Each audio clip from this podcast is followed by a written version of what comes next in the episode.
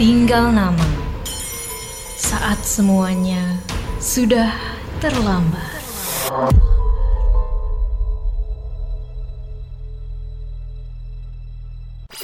Pengen gak sih nambah wawasan yang enggak diajarin di sekolah? Seperti logika dasar, critical thinking, public speaking, atau bahkan NFT? Kuy, dengerin podcast Obsesif yang akan membahas seputar pengembangan diri dan soft skills khusus buat kamu. Persembahan Media Podcast Network by KG Media, hanya di Spotify.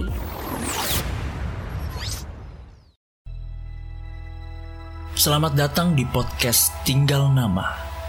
Podcast persembahan Intisari bekerja sama dengan Motion FM by KG Radio Network yang menceritakan kisah-kisah kriminal dari seluruh penjuru dunia.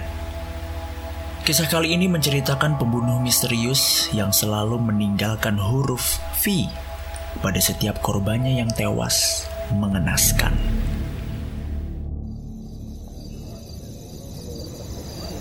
Hari semakin malam. Udara menusuk kulit. Di ujung jalan yang agak remang-remang, pelacur itu mengepulkan asap rokoknya dengan kesal. Ke mana sih Veronica? Bete banget deh. Kan lumayan kalau ada teman bercanda, nggak sendirian kayak gini. Ih.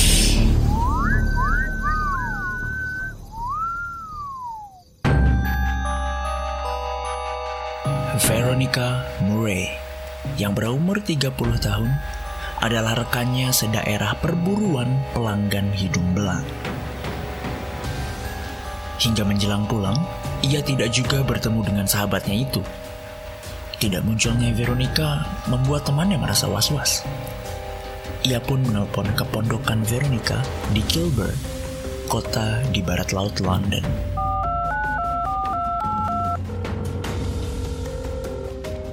Halo, eh, selamat malam Pak. Eh, maaf mengganggu. Iya ya, eh, saya temannya Veronica. Kok Veronica nggak pernah kelihatan ya? Aku jarang banget ketemu sama Veronica. Dia sakit atau gimana ya Pak? Sepertinya ada. Tapi sebentar, saya cek dulu ya. Sang bapak pondok pun pergi ke kamar Veronica untuk memeriksa. Ketukannya pun tidak dijawab. Ia mencoba membuka pintu, ternyata tidak dikunci. Hah? Hah? Setelah menengok ke kamar, ia buru-buru menghubungi telepon 999. Tak lama kemudian muncul tim polisi dipimpin oleh Inspektur Detektif Evan Davis. Mereka mendapatkan kamar itu acak-acakan. Perabotannya jungkir balik. Sobekan pakaian berserakan di lantai. Sedangkan darah menodai karpet dan kertas dinding. Di ranjang, terdapat jasad seorang wanita telanjang. Kepalanya tertutup sebagian oleh jersey coklat dan wajahnya rusak. Setelah dilakukan pemeriksaan yang saksama di TKP, mayat Veronica diangkut untuk diperiksa oleh dokter ahli forensik. Hasil forensik atas nama Veronica tadi saya mendapatkan 24 tulang patah akibat pukulan dan sepertinya diduga akibat alat pemukul. Barbel merah jambu seberat 8 kg. Iya, Veronica Murray memang memiliki sepasang barbel yang biasa dipakainya untuk olahraga. Namun naas, barbel itu pula yang mengakhiri hidupnya. Di tubuh mayat Veronica ditemukan beberapa luka berbentuk huruf V. Bentuk itu terdiri atas luka-luka bulatan kecil. Hmm, aneh. Menurut analisa saya, luka tersebut sepertinya dibuat setelah korban tewas karena terdapat hasil luka dari senjata tajam. Em, dari hasil otopsi, analisis sementara pembunuhnya adalah seseorang yang memiliki kelainan jiwa atau psikopat. Em, kita belum tahu memang apakah itu benar psikopat atau tidak, karena bisa saja kemungkinan terbesar akan membunuh korban yang lainnya lagi.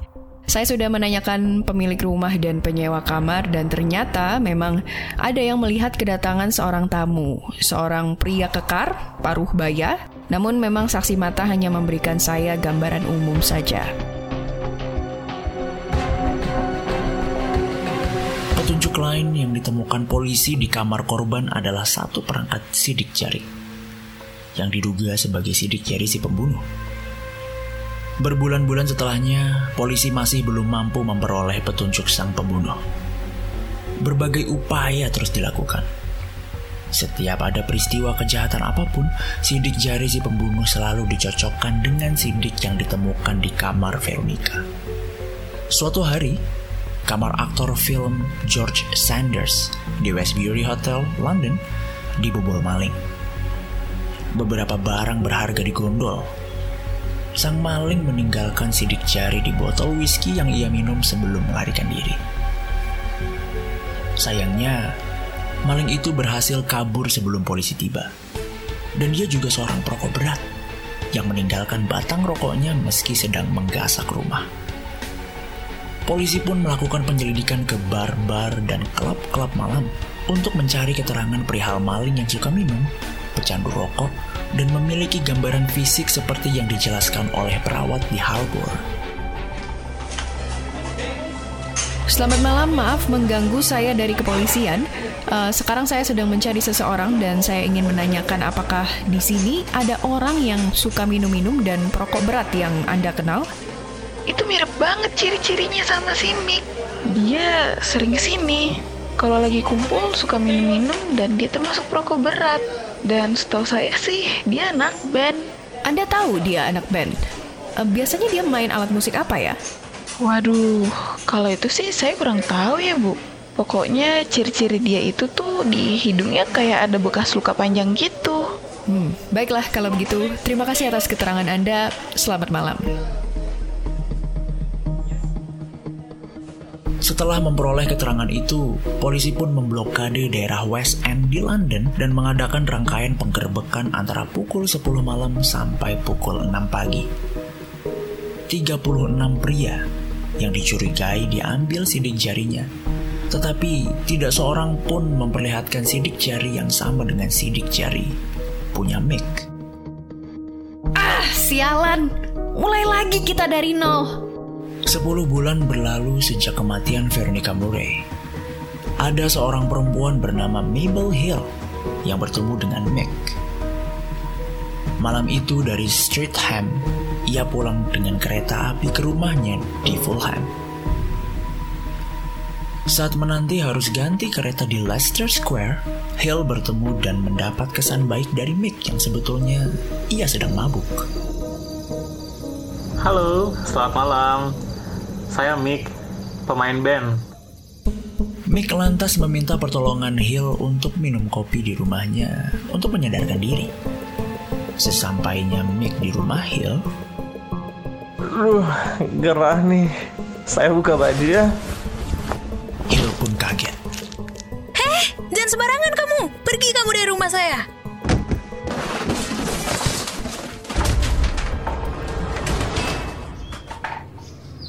Pagi hari, tanggal 11 Oktober.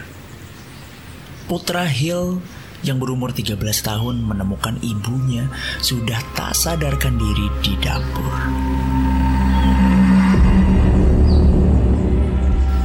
Dua kaos kaki nilon membelit erat lehernya dan seluruh wajahnya luka dan berdarah. Bibirnya jontor dan lidahnya bengkak. Kulit kepalanya pun ternyata luka-luka. Di dada, di leher, dan kaki kirinya ada luka-luka. Berupa bulatan kecil yang dirangkai menjadi bulatan besar. Luka itu seperti dibuat oleh benda bergerigi. Pola ini mengingatkan Inspektur Detektif Fibra pada pembunuhan Veronica Murray. Walaupun luka-luka kecil pada Veronica Murray dirangkai menjadi huruf V dan pada Hill menjadi bulatan. Dan bisa jadi pelakunya sama. Dugaan itu diperkuat oleh sidik jari yang ditemukan di cangkir kopi. sama persis dengan yang ditemukan di kamar Veronica Murray pada waktu itu. Sidik jari itu juga sama dengan milik maling yang saat itu sudah membongkar sedikitnya 25 rumah di West End dan Chelsea.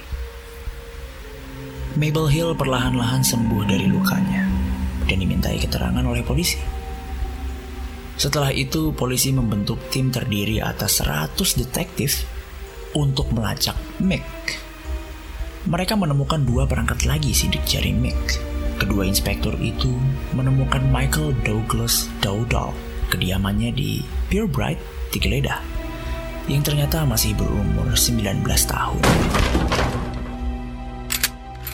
Jangan bergerak. Ini ada apa ya, Pak? Diam. Angkat tangan. Kamu Mick Dowdall, saya Inspektur Scott. Saya banyak menerima keterangan kamu melakukan pembunuhan dan pencurian. Oke, oke, oke. Wait, wait. Bentar, bentar. Saya mau jelasin dulu, Pak. Saya jelasin dulu sebentar ya. Saya memang sering mabuk. Tapi itu saat saya sedih ataupun marah.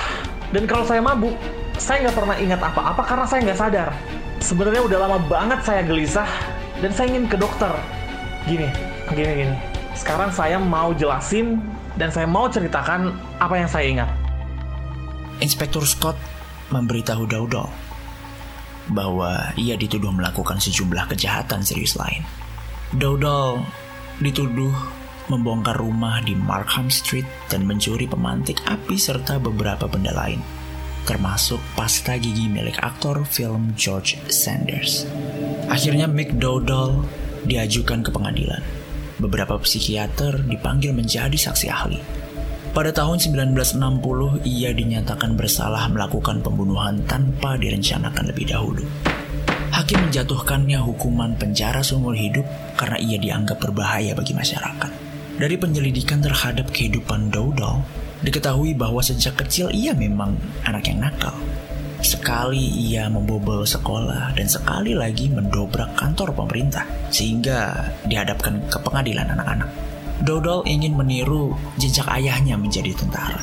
Pada umur 15 tahun, ia mendaftarkan diri sebagai penabuh drum di Welsh Guards. Cuma saja, waktu itu ia sudah menjadi peminum seperti kedua pemainnya. Kalau sedang tidak berdinas, pakaian premannya bagus-bagus. Ternyata pakaian itu dibeli dengan hasil membobol rumah di Chelsea. Ia juga sering menyombongkan kehebatannya menaklukkan wanita yang sudah bersuami kepada teman-temannya. Kemudian ada juga seorang gadis perawat yang bersimpati kepadanya. Menurut saya sih ya, Dodo orangnya baik banget kok. Dia nggak pernah kurang ajar sama saya, malah sopan banget. Terus juga kalau mau mencium saya, dia suka malu-malu gitu. Jadi, apa makna tanda V?